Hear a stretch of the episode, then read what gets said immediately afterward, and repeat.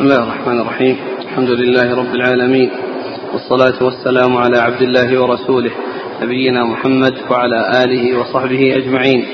أما بعد قال الإمام الحافظ أبو عيسى الترمذي رحمه الله تعالى قال في جامعه كتاب الدعوات عن رسول الله صلى الله عليه وسلم. قال باب ما جاء في فضل الدعاء.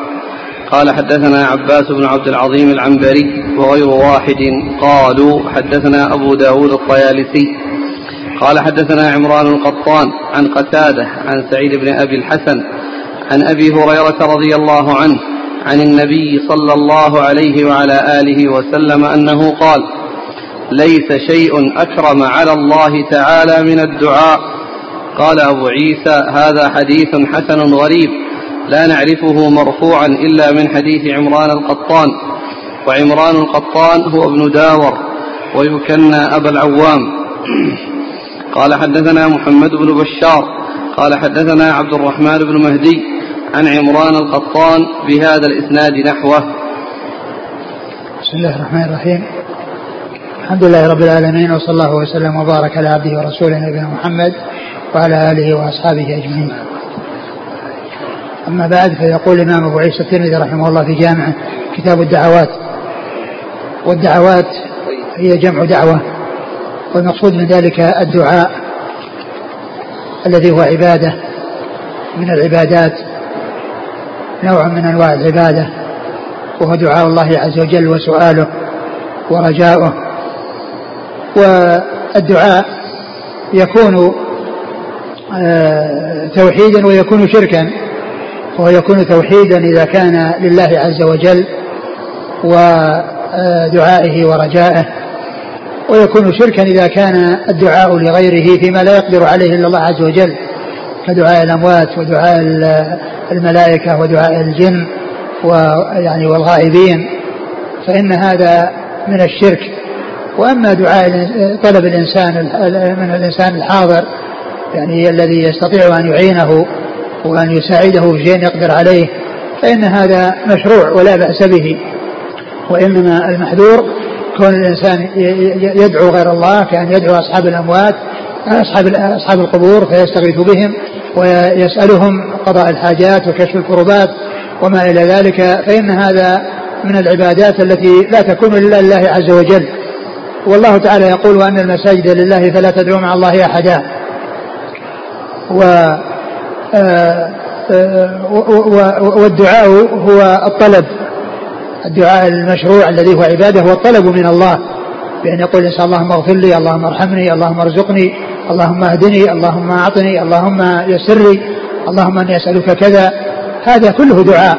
وهو طلب آه، من الله عز وجل. وهو عبادة من من من من, بين العبادات التي شرع الله عز وجل والتي أوجب الله عز وجل أن تصرف له وأن لا يصرف لغيره شيء منها بل تكون العبادة كلها خالصة لوجهه كما قال الله عز وجل وما خلقت الجن والإنس إلا ليعبدون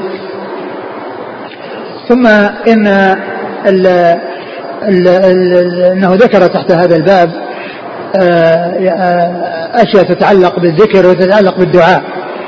والذكر أعم من الدعاء لأن الدعاء طلب ورجاء. وأما الذكر فهو أعم لأنه يشمل آه، كل ما كان ذكرا لله عز وجل من الدعاء لأن الدعاء ذكر لله عز وجل وكذلك تنزيه الله وتعظيمه. كأن يقول الإنسان سبحان الله والحمد لله ولا إله إلا الله والله أكبر فإن هذا ذكر.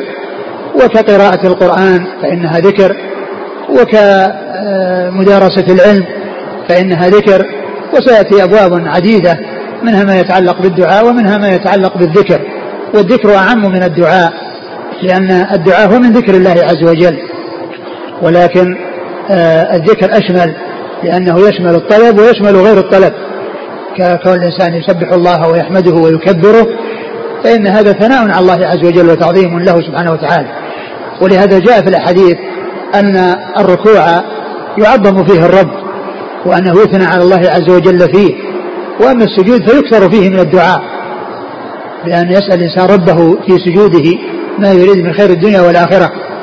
وله أن يدعو في حال ركوعه كما أن له أن يعظم الله في حال سجوده كما جاء جاءت بذلك الأحاديث من السبوح قدوس رب الملائكة والروح فإنه يشرع في السجود وفي الركوع وهو ذكر لله عز وجل وثناء عليه. ومثل سبحانك اللهم وبحمدك اللهم اغفر لي فإن هذا ذكر ودعاء. فإن قوله سبحانك اللهم وبحمدك هذا ذكر لله وثناء عليه. واللهم اغفر لي دعاء. وقد جاء هذا في الركوع والسجود. جاء في الحديث عن عائشة رضي الله عنها أن النبي صلى الله عليه وسلم بعدما أنزل عليه إذا جاء نصر الله الفتح كان يقول في ركوعه وسجوده سبحانك اللهم وبحمدك اللهم اغفر لي.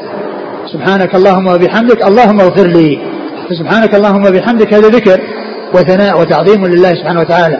واللهم اغفر لي هذا دعاء وطلب ورجاء منه سبحانه وتعالى. ثم قال رحمه الله باب فضل الدعاء. يعني أن الدعاء وهو سؤال الله عز وجل ورجاءه وسؤاله من خير الدنيا والآخرة. يعني هذا شأنه عظيم وفضله كبير وذلك أنه تعويل على الله وسؤال من بيده ملكوت كل شيء الذي يملك النفع والضر والذي بيده كل شيء سبحانه وتعالى. فدعاء الله عز وجل شأنه عظيم وهو عبادة. وقد قال الله عز وجل وقال ربكم ادعوني أستجب لكم. إن الذين يستكبرون عن عبادتي سيدخلون جهنم داخرين. فأورد أبو عيسى رحمه الله حديث أبي هريرة أن النبي عليه الصلاة والسلام قال إنه ليس شيء أكرم على الله من الدعاء. ليس شيء أكرم على الله من الدعاء يعني من فيما يتعلق بالكرم الذي يتعلق بالقول ويتعلق باللفظ. وأما الكرم الذي يكون يعني في بالنسبة للمخلوقين فهو كما قال الله عز وجل أن أكرمكم عند الله أتقاكم. فإذا هناك يعني أكرم وأفضل فيما يتعلق بالخلق وأن ذلك يكون في تقواهم لله عز وجل وعبادتهم إياه وأن من كان أتقى لله عز وجل فهو الأكرم كما قال الله عز وجل أن أكرمكم عند الله أتقاكم. وبالنسبة للذكر والقول اللسان فإن دعاء الله عز وجل واستغفاره وسؤاله أن هذا آه، أكرم شيء على الله عز وجل وأحب شيء إليه سبحانه وتعالى. فهذا الحديث يدل على فضل الدعاء وأنه آه، أكرم شيء على الله عز وجل. وذلك لأن فيه الخضوع لله عز وجل والاستكانة والذل وسؤاله آه، ورجائه لأن بيده النفع والضر وغيره وإن كان قدر الله عز وجل على يديه النفع إلا أن هذا النفع إنما حصل بتيسير الله عز وجل وتوفيق الله عز وجل. ولهذا جاء في الحديث في حديث وصية النبي صلى الله عليه وسلم عباس إذا سألت فاسأل الله وإذا استعنت فاستعن بالله. ثم قال واعلم أن الأمة لو اجتمعوا على أن ينفعوك بشيء لم ينفعوك إلا بشيء قد كتبه الله لك. ولو اجتمعوا على أن يضروك لم يضروك إلا بشيء قد كتبه الله عليك. رفعت الأقلام وجفت الصحف. فإذا العباد وإن أجرى الله على أيديهم النفع إلا أن ذلك بتوفيق الله عز وجل لأنه لو شاء ألا ينفع ما نفعوا لأن كل شيء يقع في الوجود بمشيئة الله وإرادته سواء يتعلق جاء عن طريق العباد أو جاء بشيء لا ليس للعباد فيه دخل يعني مثل نزول المطر ومثل انبات النبات فهذا من الله عز وجل. وكون الإنسان يساعدك ويعينك ويعينك على أمر من أمور دنياك فهذا نفع ساقه الله لك على يد مخلوق. لكن هذا المخلوق ما تصرف وما أقدم على نفعك إلا بتوفيق الله عز وجل له وتوفيقه لك بأن ينفعك ويعينك فإذا يرجع الأمر كله إلى الله عز وجل. وإن وإن حصل النفع من العباد فإنه من الله سبحانه وتعالى. أجر الله تعالى على يد بعض العباد. فإذا الدعاء يعني شأنه عظيم وهذا الحديث يدل على فضله وعلى آه، عظمه عند الله عز وجل وأنه أكرم شيء عند الله عز وجل يعني فيما يتعلق بقول اللسان. نعم. قال حدثنا عباس بن عبد العظيم العنبري. عباس بن عبد العظيم العنبري ثقة. أخرجه البخاري تعليقا ومسلم وأصحاب السنن. وغير واحد قالوا حدثنا أبو داود الطيالسي. هو سليمان بن داود. سليمان بن داود الطيالسي وهو ثقة أخرجه البخاري تعليقا ومسلم وأصحاب السنن. عن عمران القطان. هو عمران بن داور القطان وهو صدوق. يهم أخرج البخاري تعليقا وأصحاب السنن. نعم. عن قتادة. قتادة من دعامة السدوسي البصري ثقة أخرج أصحاب الكتب الستة. سعيد بن أبي الحسن سعيد بن أبي الحسن هو أخو آآ آآ هو هو هو أخو الحسن الحسن بن أبي الحسن البصري الحسن بن أبي الحسن البصري هذا أخوه سعيد بن أبي الحسن والحافظ الحسن اسمه ياسر يسار وهو ثقة أخرج أصحاب الكتب الستة. عن أبي هريرة رضي الله عن أبي هريرة عبد الرحمن بن صخر الدوسي رضي الله عنه صاحب رسول الله صلى الله عليه وسلم وهو أكثر الصحابة حديثا.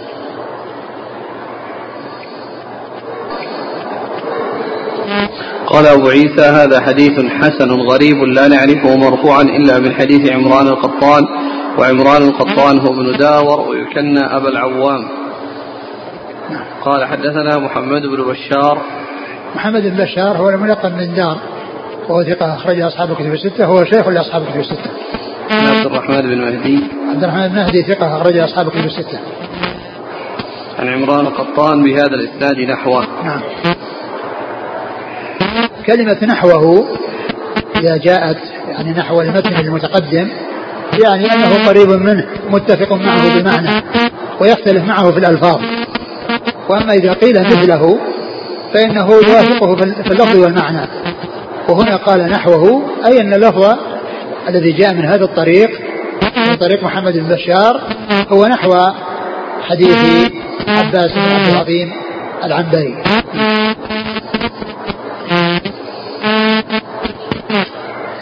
يقول السائل أليس الذكر يدخل في دعاء العبادة؟ فكيف كان الذكر أشمل؟ نعم أشمل لأن لأن لأن الدعاء الدعاء آه الذي هو الرجاء هو من ذكر الله عز وجل لأن فيه ذكره سبحانه وتعالى. وإن كان يعني آه هناك دعاء عبادة ودعاء مسألة لكن آه الذكر أعم وأشمل لأن يدخل تحته القرآن. تحته قراءة القرآن وتحته مجالس العلم. كل هذه من ذكر الله عز وجل.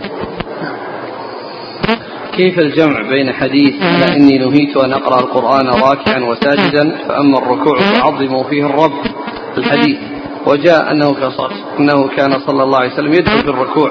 سبحانك اللهم وبحمدك اللهم اغفر لي. ما في تنافي لأن ما في قراءة قرآن. الدعاء.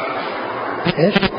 فأما الركوع فعظموا فيه الرب. نعم. وأما السجود فأكثروا فيه الدعاء. نعم يعني آه لا تنافي لأن لأن التعظيم هو الغالب على الركوع والدعاء هو الغالب على السجود.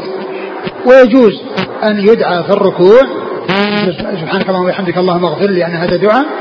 ويجوز أن يثنى على الله في السجود لأن سبوح قدوس رب الملائكة والروح جاء في, في, في, في الركوع وفي السجود وهو وهو ذكر لله عز وجل وهو ذكر لله عز وجل وليس دعاء. وليس دعاء له طلب. لأن السجود يكثر فيه الدعاء اللهم اغفر لي اللهم ارحمني اللهم اني أسألك كذا اللهم أني حقق لي كذا. يسأل الإنسان من خير الدنيا والآخرة. ولا بأس أن يثني على الله عز وجل. لأن الغالب في الركوع التعظيم والغالب في السجود الدعاء. ويجوز أن يثنى على الله في السجود وأن يسأل الله في الركوع.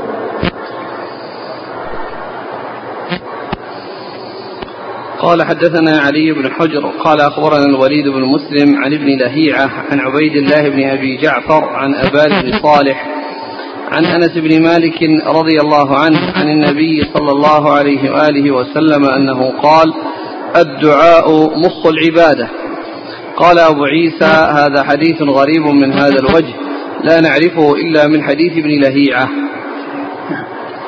قال حدثنا أحمد بن منيع قال حدثنا مروان بن معاوية عن الأعمش عن ذر عن يسيع بن عن يسيع عن النعمان بن بشير رضي الله عنهما عن النبي صلى الله عليه وعلى آله وسلم أنه قال الدعاء هو العبادة.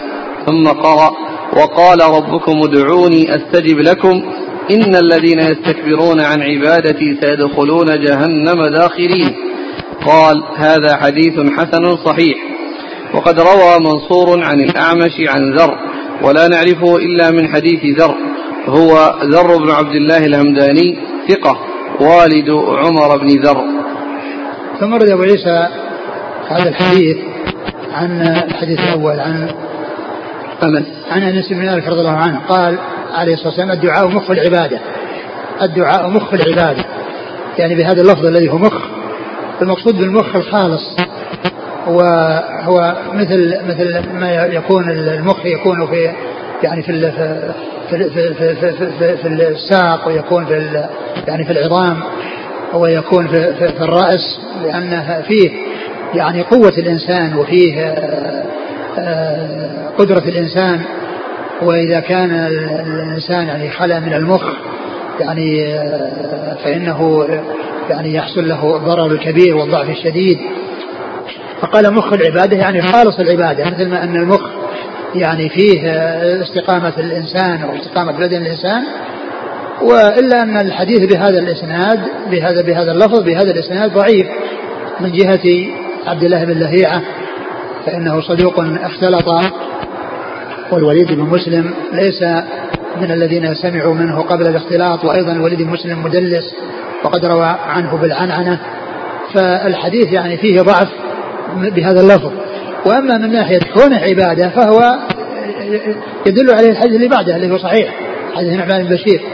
فإذا الحديث بهذا اللفظ هو ضعيف. من جهة عبد الله بن لهيعة ومن جهة كون كون من رواية الوليد مسلم عنه وهو مدلس. وأما الحديث الثاني حديث ابن نعمان بشير قال عليه الصلاة الدعاء هو العبادة. وهذا يبين لنا أهمية الدعاء وعظم شأنه.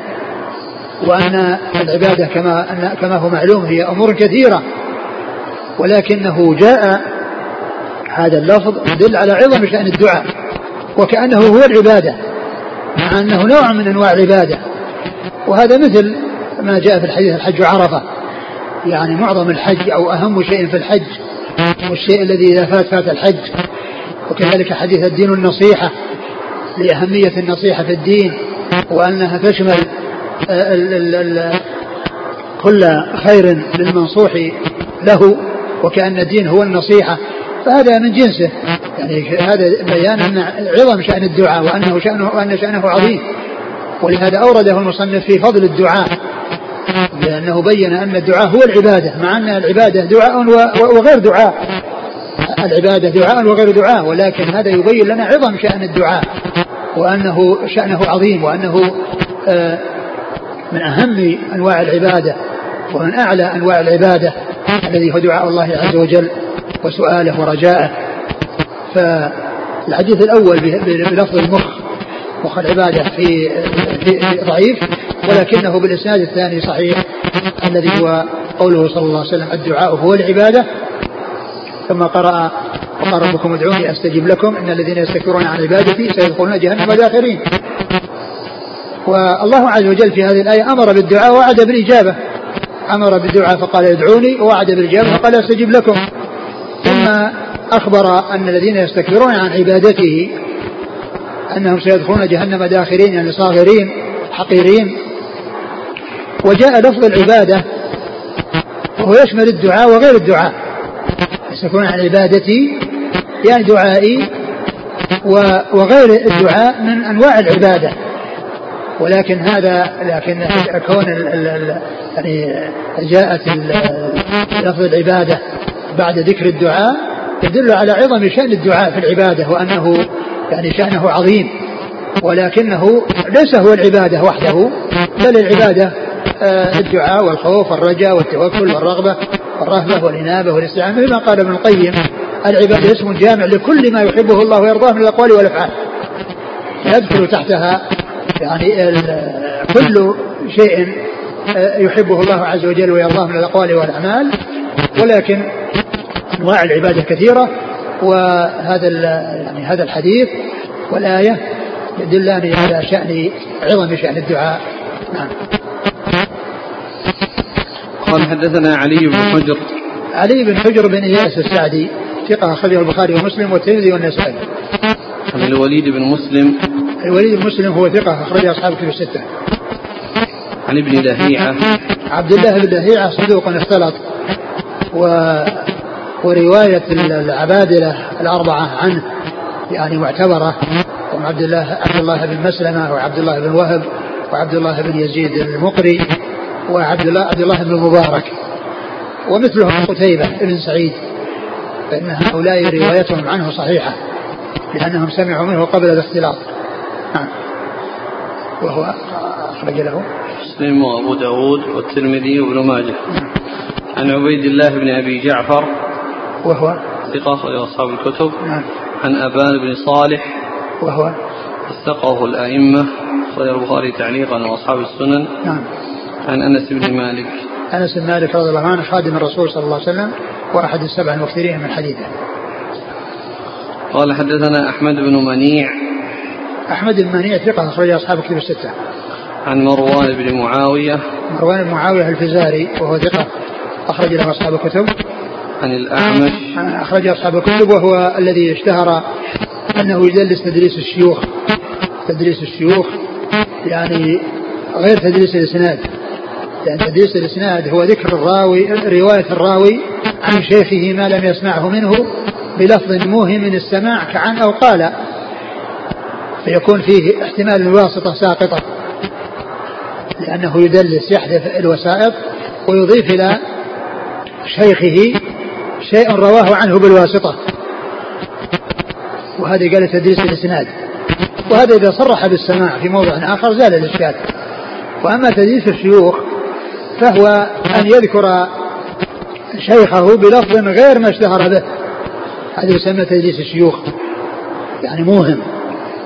لأن الإنسان مشهور بشيء ثم يذكر بشيء ما اشتهر به. فيظن أنه شخص آخر غير ال- الذي كان معروفا. إذا ذكر بما اشتهر به. إذا ذكر بما اشتهر به كان معروفا. لكن إذا ذكر بشيء لم يشتهر به لا يعرف فقد فقد يجهل ويقال هذا لا نعرفه أو لم نقف له على ترجمة. مع أنه لو ذكر بال- بالشيء الذي سار به عرف قد يكون علما من الإعلام. فهذا يسمى تدريس الشيوخ. يعني يذكر يذكر شيخه بغير ما اشتهر به. وهذا فيه توعير للطريق الوصول إلى معرفة الشيخ. وقد يجهل الشخص ولا يعرف بسبب أنه لم يذكر بالشيء الذي آه، اشتهر به. نعم عن؟ عن الأعمش. الأعمش سليمان بن مهران الكاهلي ثقة أخرج أصحاب الكتب الستة. عن ذر.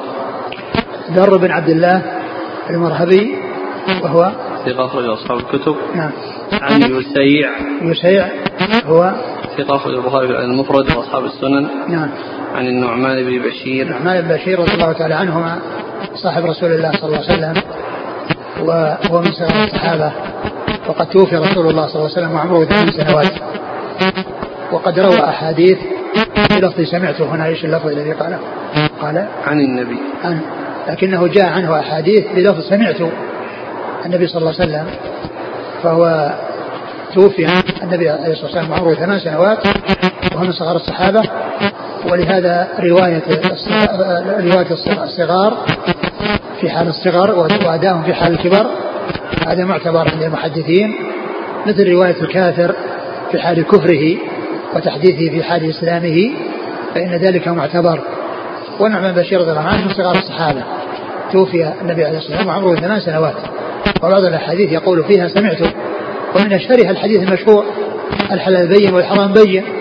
وبينهما أمور مشتبهات فإن هذا قال فيه النعمان بن بشير سمعت رسول الله صلى الله عليه وسلم يقول الحلال بين والحرام بين نعم. وقد روى منصور عن الأعمش. منصور والأعمش. منصور والأعمش. لأن منصور هو قرين قرين الأعمش من قرنائه. فهو هو إياه يعني آه، مشتهران بالحفظ. وهما قرينان. منصور بن المعتمر ثقة أخرج له أصحاب الكتب والأعمش سليمان بن مهران ثقة أخرج له أصحاب الكتب الستة. عن ذر ولا نعرفه إلا من حديث ذر هو ذر بن عبد الله الهمداني ثقة والد عمر بن ذر. يقول آه، فضيلة الشيخ أحسن الله إليكم. هل قول في الحديث الدعاء هو العبادة يدخل في قول الأصوليين لا مفهوم لها لأن العبادة ليس مقتصرة على الدعاء فقط. آه، المقصود من ذلك المقصود من ذلك بيان عظم شأن الدعاء. لكن لا يقال إن الدعاء هو ان العبادة مقصورة على الدعاء. يعني قضية لا مفهوم له من ناحية القصر والحصر نعم. وأما يعني المقصود من إيراده هو بيان عظم شأن الشيء مثل ما يقال الحج عرفة. الحج عرفة يعني أركان الحج أربعة هي الإحرام وال والوقوف والطواف والسعي. طواف الإفاضة والسعي بين الصفا والمروة لكن الشيء الذي يفوت الحج بفواته هو الوقوف لأن من فاته الوقوف فاته الحج. أما طواف الإفاضة فإنه لا يفوت والسعي لا يفوت. ولهذا قيل الحج عرفة. يعني من فاته الوقوف فاته الحج. فيبين يعني عظم شأنه. فكذلك هنا الدعاء يبين عظم شأنه. كونه لا كونه لا مفهوم له بمعنى أنه ليس الأمر مقصور هذا معنى صحيح. ولكن المقصود من إراده يعني جاء لمعنى وهو بيان عظم شأن الدعاء وأن منزلته في العبادة عظيمة. قل ما معنى قوله لا نعرفه إلا من حديث فلان؟ يعني معناه أنه ما عرفه يعني إلا من هذا الطريق الذي هو حديث ذر نعم. ما الذي يستفيده المدلس من تدليس الشيوخ؟ ما فيه ما فيه إلا التعمية وتوعير الوصول إلى معرفة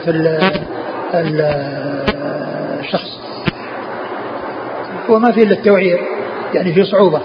ولكن إذا عرف من الشخص أنه مدلس أنه مدلس تدليس الشيوخ عند ذلك يعني يتنبه ويتفطن لمعرفة الشخص حيث يكون معروفا بذلك. فإنه قد يذكره هو نفسه في مكان آخر على الجادة. يقول آه، ذكرتم أنواع التدريس تدريس الإسناد تدريس الشيوخ.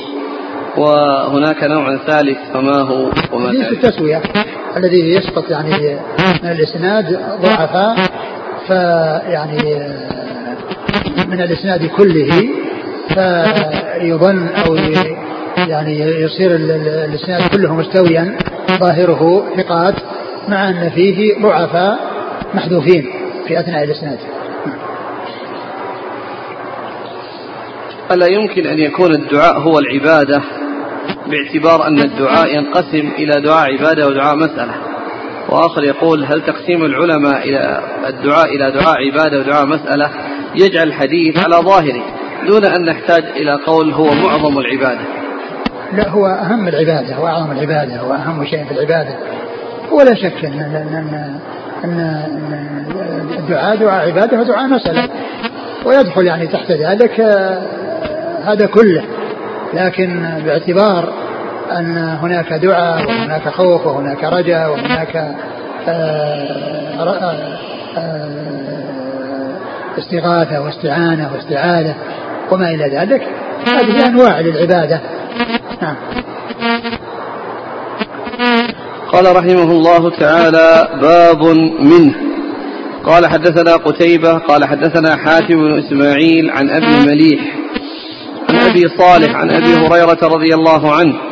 قال قال رسول الله صلى الله عليه وعلى آله وسلم من لم يسأل الله يغضب عليه. قال وروى وكيع وغير واحد عن أبي المليح هذا الحديث ولا نعرفه إلا من هذا الوجه وأبو المليح اسمه صبيح. سمعت محمدا يقوله وقال يقال له الفارسي. ثم ورد أبو عيسى هذا الحديث. عن أبي هريرة؟ عن أبي هريرة رضي الله عنه أن النبي صلى الله عليه وسلم قال من لم يسأل الله يغضب عليه من لم يسأل الله يغضب عليه. يعني أن الله عز وجل أمر بالدعاء وأمر بسؤاله ورجائه وأن الذي يعني لا يحصل منه دعاء الله ورجائه فإن ذلك يغضب الله عليه. وهذا بخلاف المخلوقين فإن المخلوقين يغضبون عند السؤال الغالب أنهم يغضبون عند السؤال. ولو أكثر عليهم ملوا وغضبوا. وأما الله عز وجل فهو يغضب إذا ترك إذا ترك السؤال ولم يسأل لأن لأن سؤال الله عز وجل عبادة. وهو من أنواع العبادة بل أهم أنواع العبادة كما في الحديث, الحديث المتقدم. فهذا يدل على أن الإنسان يحرص على الدعاء ويكثر منه لأنه بذلك يأتي بأرفع وأعظم أنواع العبادة وفي نفس الوقت أيضا يسلم من غضب الله عز وجل عليه. والحديث في إسناده أبو صالح الخوزي وهو لين الحديث ولكن الشيخ ناصر حسنه في بعض الشواهد آه، الذي تؤيده. نعم. وابن ابن كثير رحمه الله ذكر بيتا من الشعر في تفسير هذه الآية. وقال ربكم ادعوني أستجب لكم الذين يستكبرون عبادي سيدخلون جهنم الآخرين. قول الشاعر الله يغضب وإن ترك إن تركت سؤاله. وبني آدم حين يسأل يغضب. الله يغضب إن تركت سؤاله. وبني آدم حين يسأل يغضب. قال حدثنا قتيبة. قتيبة بن سعيد ثقة أخرج أصحاب الستة. عن حاج بن إسماعيل. وهو صدوق أخرج له. أصحاب الكتب. نعم. عن أبي المليح. أبي المليح وهو صبيح وقيل حميد وهو ثقافة البخاري في المفرد والترمذي وابن ماجه. نعم. عن أبي صالح. أبو صالح هو الخوزي وهو لين الحديث. أخرج له.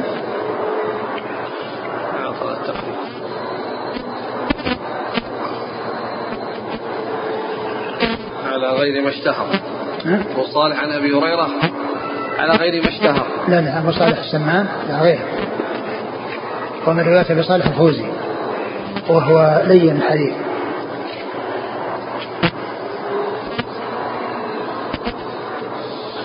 أخرجه البخاري في المفرد والترمذي وابن ماجه.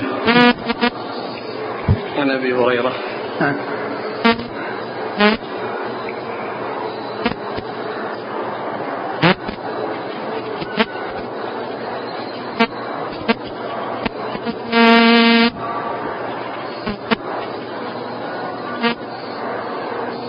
قال وروى وكيع. وكيع بن الجراح الرؤاسي الكوفي ثقة أخرج أصحاب الستة.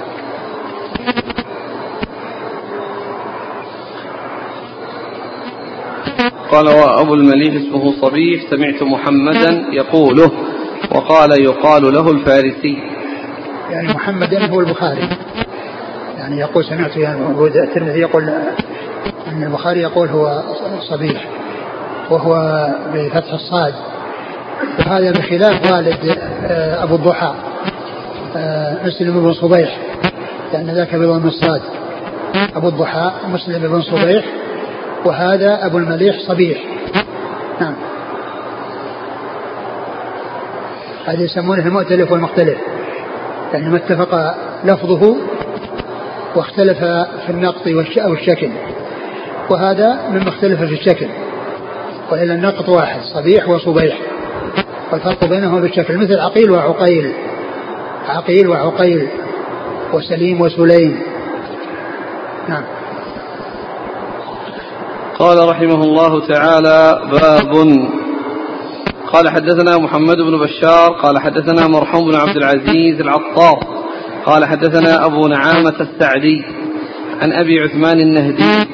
عن أبي موسى الأشعري رضي الله عنه أنه قال كنا مع رسول الله صلى الله عليه وعلى آله وسلم في غزاة فلما قفلنا أشرفنا على المدينة فكبر الناس تكبيرا ورفعوا بها أصواتهم فقال رسول الله صلى الله عليه وعلى آله وسلم إن ربكم ليس بأصم ولا غائب هو بينكم وبين رؤوس رحالكم. قال يا عبد الله بن قيس ألا أعلمك كنزا من كنوز الجنة؟ لا حول ولا قوة إلا بالله. قال هذا حديث حسن. وأبو عثمان النهدي اسمه عبد الرحمن بن مل. وأبو نعامة السعدي اسمه عمرو بن عيسى. قال حدثنا إسحاق بن منصور. قال حدثنا أبو عاصم عن حميد أبي المليح. عن أبي صالح عن أبي هريرة. رضي الله عنه عن النبي صلى الله عليه وسلم نحوه.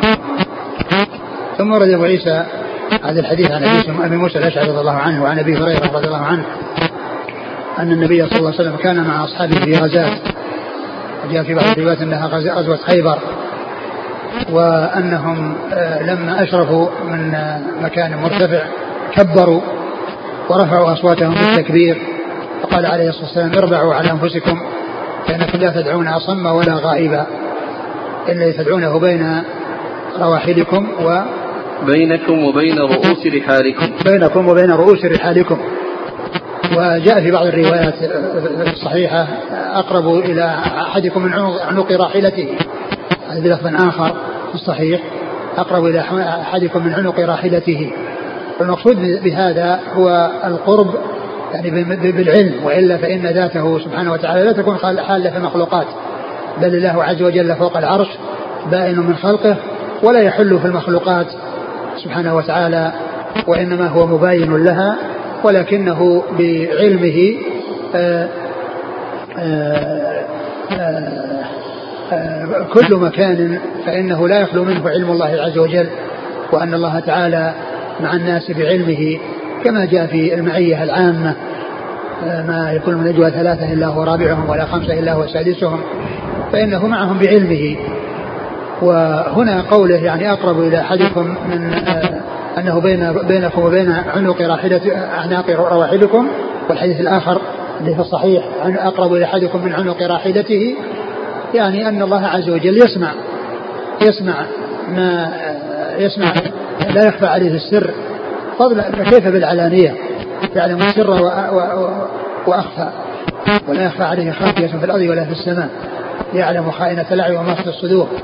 يعلم ما يفكر فيه الإنسان وما يقع في بال الإنسان. ولا يخفى عليه سبحانه وتعالى خافية. فالله عز وجل لا يكون حالا في المخلوقات وهو منزه عن ذلك. وإنما علمه في كل مكان. نعم. أربع إيش اربعوا. كنا مع رسول الله صلى الله عليه وسلم في غزوة فلما قفلنا قفلنا رجعنا. لما قفلنا أشرفنا. أي فلما قفلنا أشرفنا على المدينة. نعم لما قفلنا رجعنا. يعني من الغزوة وهي غزوة خيبر. أشرفنا يعني من مكان مرتفع على المدينة فكبرنا. ورفعوا أصواتهم بالتكبير. فعند ذلك النبي قال ارفعوا. ورفعوا بها أصواتهم فقال صلى الله عليه وسلم إن ربكم ليس بأصم وفي بعض الأحاديث اربعوا يعني هونوا على أنفسكم وخففوا على أنفسكم ولا ترفعوا أصواتكم فإن الذي تدعونه آه سميعا بصيرا آه ليس أصم ولا غائبا. ليس أصم يعني معناه أنه لا يسمع بل هو يسمع كل شيء ولا يخفى عليه شيء هو السميع البصير ولا غائبا. الذي هو يعني مقابل الحاضر فالله عز وجل معكم يعني بعلمه وليس بذاته لأن الله لا يحل في المخلوقات ولا يقال الله عز وجل في كل مكان بذاته بل هو فوق العرش بذاته وعلمه في كل مكان. نعم. فلما قفلنا أشرفنا على المدينة فكبر الناس تكبيرا. التكبير هنا. الله أكبر. الله أكبر. أقصد مناسبته هل هو للفرح أو أن هذا يعني من سنن لا هو آداب السفر هو من آداب السفر. يعني كل إنسان عند عند عند النزول وعند الصعود يعني يكون فيه التكبير ويكون فيه التسبيح والتعظيم لله عز وجل. وأيضا قد يكون يعني مثلا المدينة أنها فرح. نعم يكون يكون الاثنين كلها هذا وهذا. هو بينكم وبين رؤوس رحالكم. قال يا عبد الله بن قيس ألا أعلمك كنزا من كنوز الجنة؟ لا حول ولا قوة إلا بالله. نعم. كنز من كنوز الجنة لا حول ولا قوة إلا بالله لأن هذا في تفويض الأمر إلى الله عز وجل وأنه لا حول الإنسان ولا قوة إلا بالله وأن الإنسان بدون عون الله وبدون تسديد الله لا يقدر على شيء وهذا يبين لنا كما ذكرت في الذي مضى أن أن الله عز وجل وإن ساق الرزق أو العون أو الفائدة على يد إنسان فإن ذلك هو من الله عز وجل لأنه هو الذي لين قلبه وهو الذي آآ آآ وفقه لأن يفعل هذا الفعل الذي يستفيد منه غيره. فرجع الأمر إلى توفيق الله عز وجل قال لا حول ولا قوة إلا بالله كنز من كنوز الجنة. وذلك لأن فيه تعظيم الله عز وجل وأنه لا حول للإنسان ولا قوة له ولا قدرة على شيء إلا بالله سبحانه وتعالى. فإذا شاء الله عز وجل أن يقدره على شيء قدر عليه وإذا شاء أن يعجزه عن شيء لم يقدر عليه. ما شاء الله كان وما لم يشاء لم يكن. واعلم أن الأمة لو اجتمعوا على ينفعوك لم ينفعوك إلا بشيء قد كتبه الله لك. ولا اجتمعوا على يضروك لم يضروك إلا بشيء قد كتبه الله عليك. وهذا يبين لنا فضل هذا الذكر الذي هو لا حول ولا قوة إلا بالله. وأن هذا كنز من كنوز الجنة وأن الإنسان عندما يأتي به يحصل هذا الأجر العظيم الذي وصف بأنه كنز من كنوز الجنة. نعم. والحديث هنا يعني آه، في بعض النسخ يعني لا يوجد في هذا المكان آه، وإنما سيأتي عند الترمذي في مكان آخر من هذا الكتاب ولكنه جاء يعني في هذا الموضع ولهذا نسخة الشارح لا يوجد فيها. لا يوجد فيها هنا ولكنه يوجد فيما, فيما سيأتي. نعم. قال حدثنا محمد بن بشار عن مرحوم ابن عبد العزيز العطار. هو ثقة أخرج له؟ أصحاب الكتب. نعم. عن أبي نعامة السعدي. وهو؟ صدوق اختلط أخرج له مسلم وأبو داود في نعم. القدر والترمذي في الشمائل. نعم. وابن ماجه. الترمذي في الشمائل. هكذا رمز له بكم. هذا الحديث أقول هذا الحديث هو في وهو في السنة. لكنه هو هنا يعني غير موجود ولكنه موجود في فيما سيأتي. نعم. فإذا كلمة كم؟ هذه يعني معناها أنها فيه قصور. يعني فيه يعني يعني شيء أعلى من كم لأن عادته أنه إذا كان وجد في الترمذي في السنن وإن لم يكن وإن كان في الشمال لا يرمز له في الشمائل. لأنه إذا وجد الأعلى يعني آه، لا يذكر ما دونه مثل البخاري. يكون البخاري عنده في الصحيح ويكون عنده في المفرد ويكون عنده في تلقيف العباد لا يذكر إلا الصحيح فقط يكفي. لا يحتاج إلى شيء آخر. وكذلك الترمذي وإن كان عنده في كتب أخرى فإنه يكتفى بالسنن أو الجامع. نعم. ذكرتم أن الشارح نسخة الشارع الحديث لا يوجد هنا نعم. لكن له مكان آخر. اي نعم. ولا يوجد أصلا لا يوجد. الحديث هذا حديث أبو موسى. إيه؟ لا موجود في نسخة الشارع موجود بس في غير هذا المكان. في مكان يعني بعد أظن الحديث أو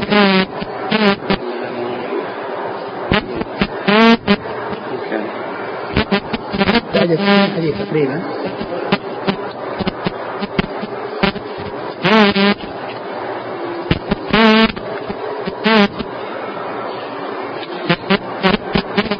إذا يكون مسلم وأبو داود في القدر والترمذي وابن ماجه تصحيح الرموز لكن كله حتى نسخة الأشبال كم؟ ها؟ نسخة الأشبال ولا أنت تسأل عن الحديث؟ لا الحديث إيه. وجدته كتاب الترمذي في الشارع وموجود فيه. حتى شرحه هناك لأنه هنا لا يوجد في نسخته. باب ما جاء في فضل التسبيح والتكبير والتهليل والتحميد. في هذا الباب؟ 3461 هو في اسناده مرحوم. إيه مرحوم عبد العزيز أيوه. عن أبي نعامة. السعدي أيوه. هو الكلام على أبي نعامة. أبو نعامة؟ هو يكتب منه إيه هو موجود. موجود في نفس الإسناد. نعم. الإسناد واحد هو هو.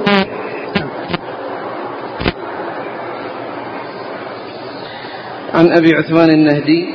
وعبد الرحمن بن مل وهو ثقة أخرج له. أصحاب الكتب. نعم. عن أبي موسى الأشعري. وعبد الله بن قيس رضي الله عنه أخرج له أصحاب الكتب الستة. قال حدثنا إسحاق بن منصور.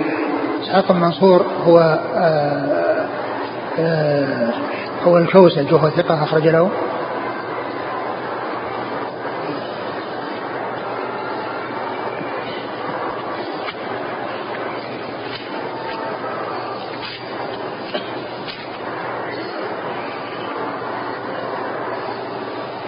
أصحاب الكتب إلا أبا داود. نعم.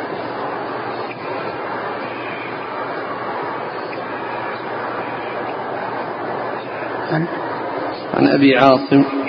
أبو عاصم هو الضحاك بن مخلد النبيل ثقة أخرجها أصحاب الكتب الستة. عن حميد أبي المليح. هنا قال حميد وفي هناك الذي مضى قال الترمذي إن البخاري قال هو صبي هو صبيح. فيعني معناه أن اسمه قيل في هذا وقيل في هذا. واظن في التقرير ذكر الاختلاف في صبيح وحميد. نعم. عن أبي صالح عن أبي هريرة. نعم. أبو صالح هنا. أبو صالح. الخوزي ولا؟ هو الحديث لأن هناك نعم هو هو هو ذكوان السمان هذا. نعم. حديث أبي موسى. لا أبي صالح عن أبي هريرة. هو الحديث عن النبي صلى الله عليه وسلم نحوه. نعم. الحديث يروي, الأول. يروي, يروي عن من؟ أبي المليح. نعم عن أبي صالح. اللي راح يروي عنها بمليح أبي المليح. عن أبي صالح عن أبي هريرة. وذاك يروي عنها بمليح نعم. إيه لا ما أدري. لأن لا يمكن هذا. هذا اللي هو خوزي. اللي هو الخوزي. لكن الحديث كما هو معلوم صحيح. من حديث أبي موسى هو في الصحيحين.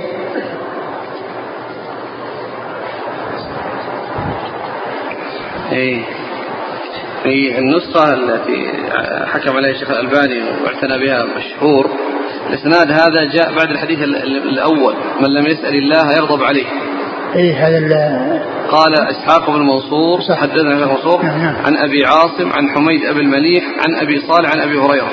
نحوه. ثم قال حميد هذا يقال له الفارسي سكن المدينة.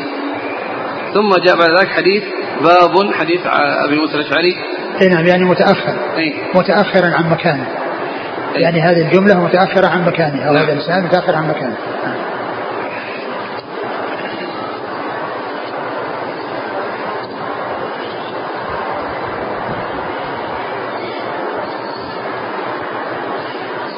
آه، هنا السائل يقول لما قال آه، فكبر الناس تكبيرة ألا يدل على التكبير الجماعي؟ لا لا ما يدري ما في يعني إنهم يعني لانها يعني يقولون مقابلة الجمع بالجمع تقتضي قسمها آحاد يعني معناه إذا أضيف إلى الناس يعني شيء ما يقال أنهم مجتمعين. وإنما يعني معناه كل حصل منه ذلك. لكن مثل ما يقال أن الناس يسبحون بعد الصلاة يسبحون بعد الصلاة يسبحون وتهللون دبر كل صلاة. ليس المقصود ذلك أنه بصوت جماعي نعم. آه إن ربكم ليس بأصم ولا غائب. ذكر النبي صلى الله عليه وسلم لما رفع الناس أصواتهم بالتكبير. تعلمون أن هناك أذكار يشرع فيها رفع نعم الصوت. نعم مثل التلبية. أظن مثل التلبية يعني جاء لكنه يعني ال ال الشيء يعني ما ورد في رفع الصوت. يعني وكونهم رفعوا أصواتهم يعني الرسول أنكر عليهم وقال لكم لا تدعون أصم ولا غائبا إنما تدعون يعني سميعا بصيرا نعم. ما الفرق بين القرب قرب الله ومعيته؟ هما بمعنى واحد. يعني قرب يعني بمعنى بمعنى المعية. ال- آه، وقرب آه، آه، مثل ما من أقرب ما يكون العبد ربه هو ساجد. أقرب ما يكون العبد ربه هو ساجد. والله تعالى قريب من من من من المحسنين. رحمة الله قريب المحسنين إن الله قريب من أسمائه القريب. فيعني هو قربه هو فوق العرش وهو قريب من عباده مثل المعية. فإن الله عز وجل وإن كان وهو فوق العرش هو قريب من عباده. ولهذا يقال أنه حق على حقيقته بمعنى لأن القرب لا يقتضي المصاحبة والمقارنة فهو أعم وأوسع ولهذا يعني قال الله عز وجل فوق العرش وهو قريب من عباده وهو فوق العرش وهو مع عباده. فالقرب والمعية يعني لا فرق بينهما بهذا المعنى. يقول آه، هل المعية صفة ذاتية أم فعلية؟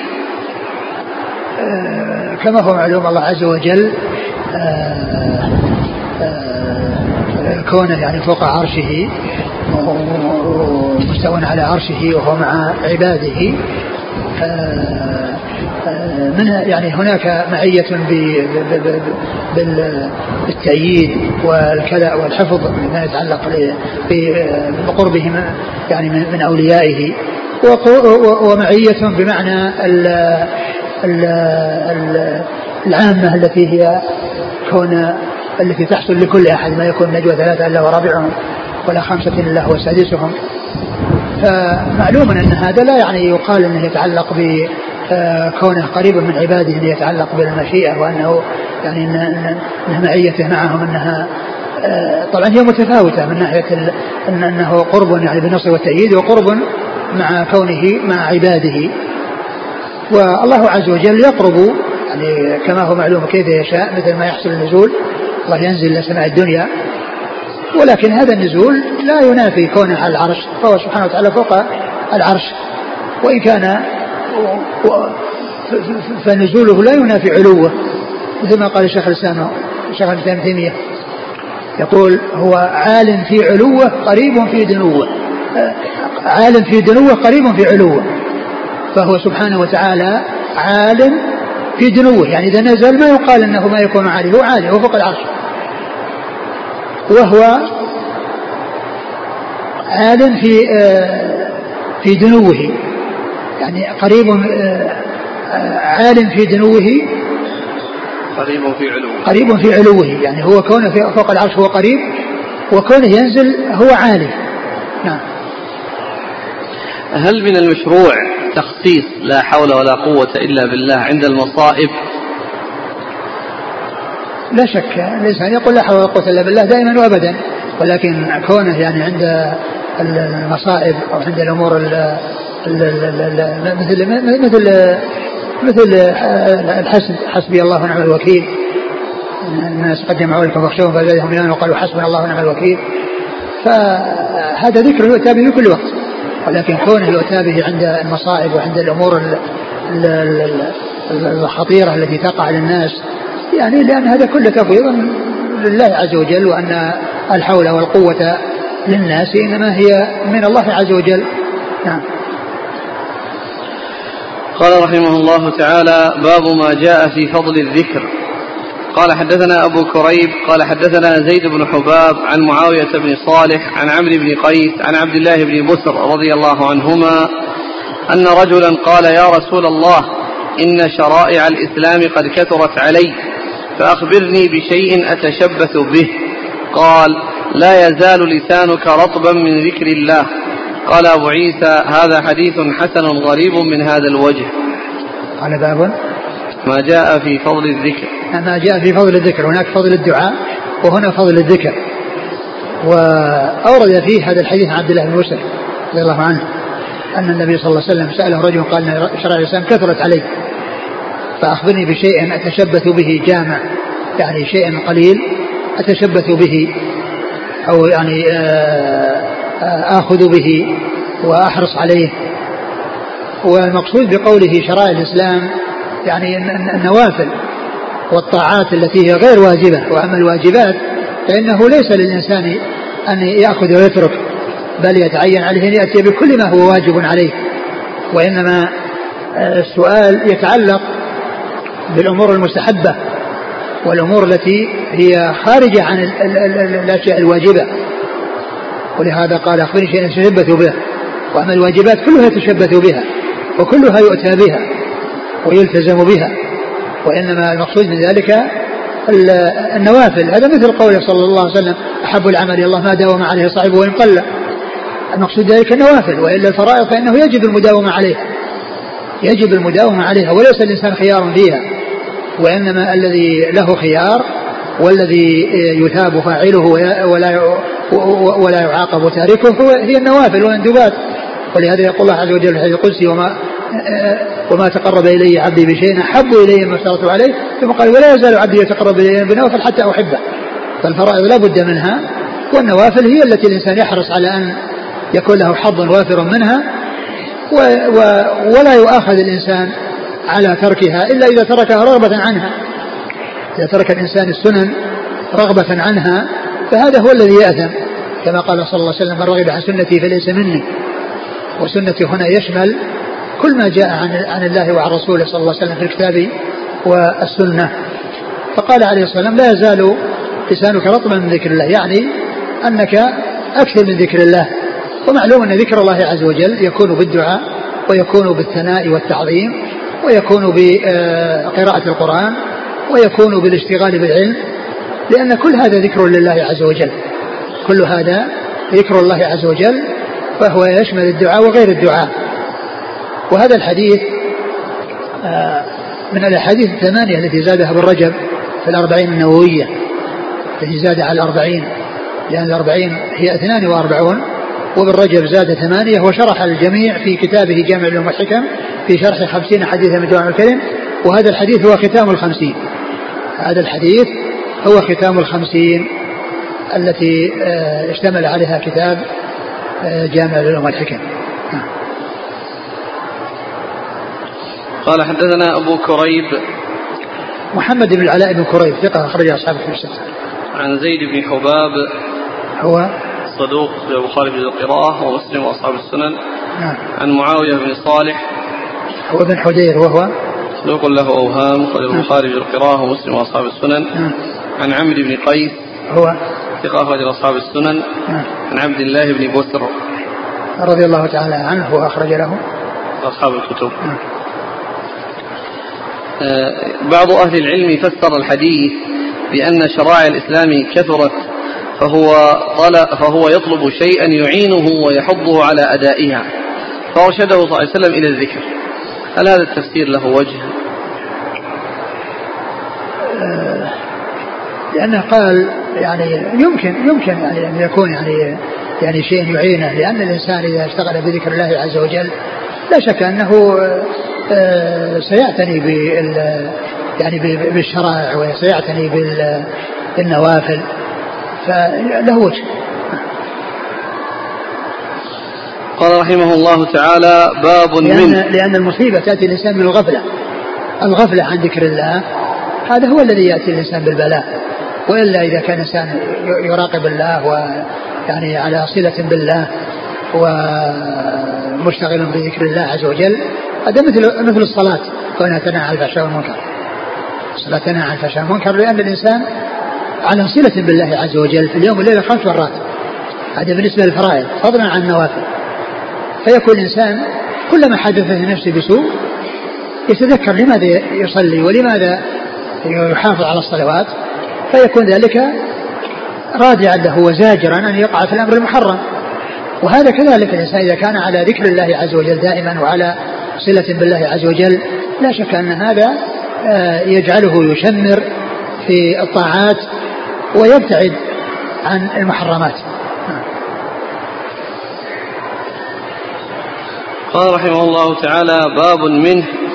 قال حدثنا قتيبة قال حدثنا ابن لهيعة عن دراج عن أبي الهيثم عن أبي سعيد الخدري رضي الله عنه أن رسول الله صلى الله عليه وعلى آله وسلم سئل أي العباد أفضل؟ أي العباد أفضل درجة عند الله يوم القيامة؟ قال الذاكرون الله كثيرا والذاكرات.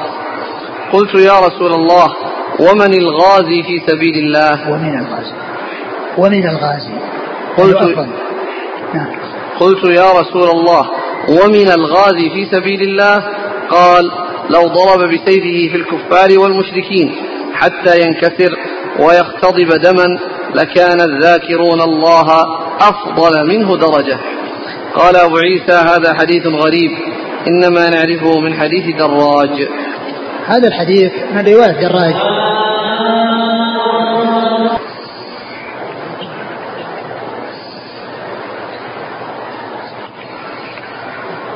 هذا الحديث في فضل الذكر كالذي قبله ولكنه من رواية دراج عن أبي الهيثم ورواية دراج عن أبي الهيثم ضعيفة وفيه ابن لهيعة ولكن روايته هنا الراوي عنه قتيبة وقتيبة روايته عنه صحيحة.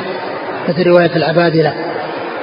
فإذا الحمل فيه على كونه من رواية دراج عن أبي الهيثم. وهذه رواية دراج عن أبي الهيثم ليست صحيحة بل هي ضعيفة. والحديث فيه بيان فضل الذكر وأن شأنه عظيم ولكنه كما عرفنا لم يصح. نعم. قال حدثنا قتيبة نعم. عن ابن لهيعة عن دراج. دراج أبو السمح هو صدوق في حديثه عن أبي الهيثم ضعف. نعم. أخرج له البخاري المفرد وأصحاب السنن. وأبو الهيثم هو ثقة أخرج له؟ البخاري المفرد وأصحاب السنن. نعم. عن أبي سعيد الخدري. رضي الله عنه سعد بن مالك بن سنان أحد السبعة المكثرين من حديث الرسول صلى الله عليه وسلم. قال رحمه الله تعالى باب من. قال حدثنا الحسين بن حريث. قال حدثنا الفضل بن موسى عن عبد الله بن سعيد هو ابن أبي هند عن زياد مولى بن عياش.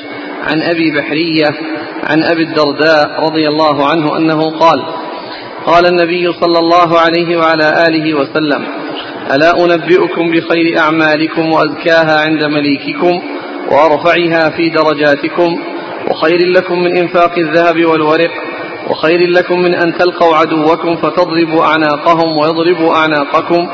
قالوا بلى. قال ذكر الله تعالى. فقال معاذ بن جبل رضي الله عنه ما شيء أنجى من عذاب الله من ذكر الله.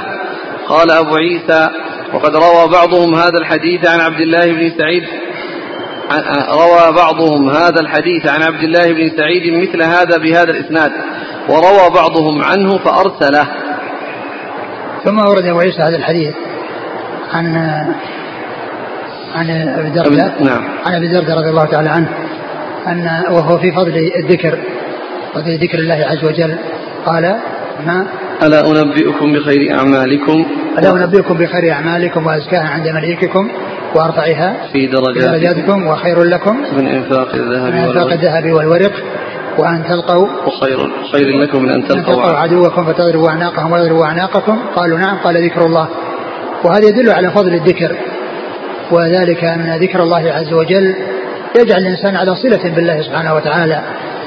وهذا آه، الأسلوب في بيان آه، أهمية هذا الذي يذكر قبل ذكره مما يشوق النفوس إلى معرفته ويجعل النفوس تهتم بمعرفة ذلك الشيء الذي وصف بهذه الأوصاف قبل أن يذكر الشيء. مثل قوله كلمتان حبيبتان الرحمن خفيفتان على اللسان ثقيلة في الميزان سبحان الله وبحمده سبحان الله العظيم. هذا من كمال بيانه صلى الله عليه وسلم. وفصاحته وبلاغته وحرصه على على ونصحه لأمته وذلك بكونه يأتي بمثل هذه الأساليب التي ترغب وتشوق في معرفة الشيء الذي آه، وصف النبي صلى الله عليه وسلم ما يريد أن يبينه وما يريد أن يذكره بهذه الأوصاف التي ذكرها قبل ذكر ذلك الشيء. ودال على فضل الذكر وأن شأنه عظيم عند الله سبحانه وتعالى. نعم. قال حدثنا الحسين بن حريث. هو ثقة أخرج أصحاب في ستة إلا؟ ابن ماجه. نعم. عن الفضل بن موسى. هو السيناني ثقة أخرج أصحاب في ستة عن عبد الله بن سعيد. هو؟ صدوق ربما وهم نعم. أخرجه أصحاب الكتب. نعم. عن زياد مولى بن عياش. هو؟ ثقة أخرجه مسلم والترمذي وابن ماجه. نعم. عن أبي بحرية. هو؟ ثقة أخرجه أصحاب السنن. نعم. عن أبي الدرداء. والدرداء عويمر رضي الله عنه أخرج حديث أصحاب الكتب الستة. في آخره قال معاذ بن جبل ما شيء أنجى من عذاب الله من ذكر الله. نعم وهذا يعني هذا متصل بالذي قبله. يعني آه، قال ما شيء أنجى من عذاب الله من ذكر الله. يعني أن شأن آه، الذكر عظيم وذلك أنه ينجي من عذاب الله. نعم. يقول روى بعضهم هذا الحديث عن عبد الله بن سعيد مثل هذا بهذا الإسناد وروى بعضهم عنه فأرسله. نعم. آه سائل يقول ألا يشهد هذا الحديث لحديث المتقدم الحديث الذي دراج عن أبي الهيثم؟ لا يشهد نعم يشهد له يعني في بيان فضل الذكر يعني لكنه من حيث الإسناد هو كما عرفنا ضعيف.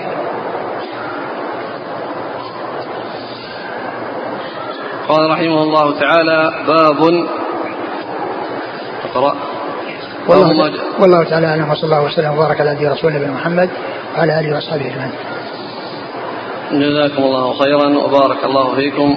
ألهمكم الله الصواب وفواكم للحق. ونفعنا الله بما سمعنا. غفر الله لنا ولكم وللمسلمين أجمعين. آمين. يقول السائل قال بعض الذين شرحوا هذا الحديث أن المعنى أن الذي يذكر الله خير من المجاهد بلا ذكر. أما إذا كان المجاهد ذاكرا لله فهو أفضل. لا شك. لا شك لأن هذا عنده عنده ما عند غيره وزيادة أقول عنده ما عند غيره وزيادة مثل ما جاء في حديث الذكر بعد بعد الصلاة الذي قال ذهب إلى الدثور بالأجور ويصدقون يصلون كما نصلي ويصومون كما نصوم ويصدقون بفضول أموالهم قال لا أدلكم على شيء إذا فعلتموه كذا. فتسبحون الله دبر كل صلاة إلى آخر الحديث. فجاءوا وقالوا إن أن أن أن, أن أصحاب الأموال آه، فعلوا مثل ما فعلنا. قال ذلك فضل الله يؤتيه من يشاء. نعم. يقول آه، ذكر الشارح رحمه الله أن الذكر يقع تارة باللسان ويؤجر عليه الناطق ولا يشترط استحضاره لمعناه. لكن يشترط ألا يقصد به غير معناه. فهل من تعليق وتبيين لصحة هذا الكلام من عدمه؟ هو معلوم أن الإنسان قد يدعو بدعاء قد يدعو بدعاء ولا يفهمه يعني يفهم كلماته أو معناه لأنه لكنه يعني يقصد معناه العام أنه يثاب ويحصل له من الله عز وجل. وإلا فإن بعض الأدعية فيها ألفاظ قد لا يكون الإنسان يفهمها عندما يدعو بها يعني يفهم معناها. نعم. يقول إذا دعا المرء ولم ولم يستجب له فإن لم يقل بلسانه دعوت ولم يستجب لي فإنه لا محالة سيقولها بقلبه. فهل يؤاخذ على ذلك؟ لا ليس ليس بلازم أن يقولها بقلبه. يمكن لا لا لا يفكر فيها ولا يعني آه لأن اللي يقول دعوت ودعوت أن يستجب لي يعني معناه أنه يقصر في الدعاء. فمن الناس من آه يدعو ولا ولم يستجب له ويستمر في الدعاء. ومن الناس من آه، يترك الدعاء لأنه أكثر منه ولم يستجب له. ولهذا جاء أن, أن, أن, هذا من أسباب يعني عدم قبول الدعاء. كون الإنسان يقول دعوت ودعوت ولم يستجب لي فيترك الدعاء ويستحسر ويتضرر يعني بذلك. ثم أيضا آه، إجابة الله عز وجل كما جاء في الحديث آه، تكون بأنواع من الفضل من الله سبحانه وتعالى. إما أن تكون بتحقيق ما طلبه أو يدفع عنه شر أو يدخر له خير في الآخرة كما جاء بذلك الحديث صحيح عن رسول الله صلى الله عليه وسلم. يعني ما من دعوة يدعو بها إنسان إلا آه، إما أن يعجل له وإما أن يدخر له في الآخرة أو يكشف عنه من الضر. معنى ذلك أن الفائدة حاصلة. علمها الإنسان أو جهلها. والإنسان يستمر في الدعاء ويكثر. ولا يستطيع الإجابة ولا يقول دعوت ودعوت ولم يستجيب ثم يترك الدعاء.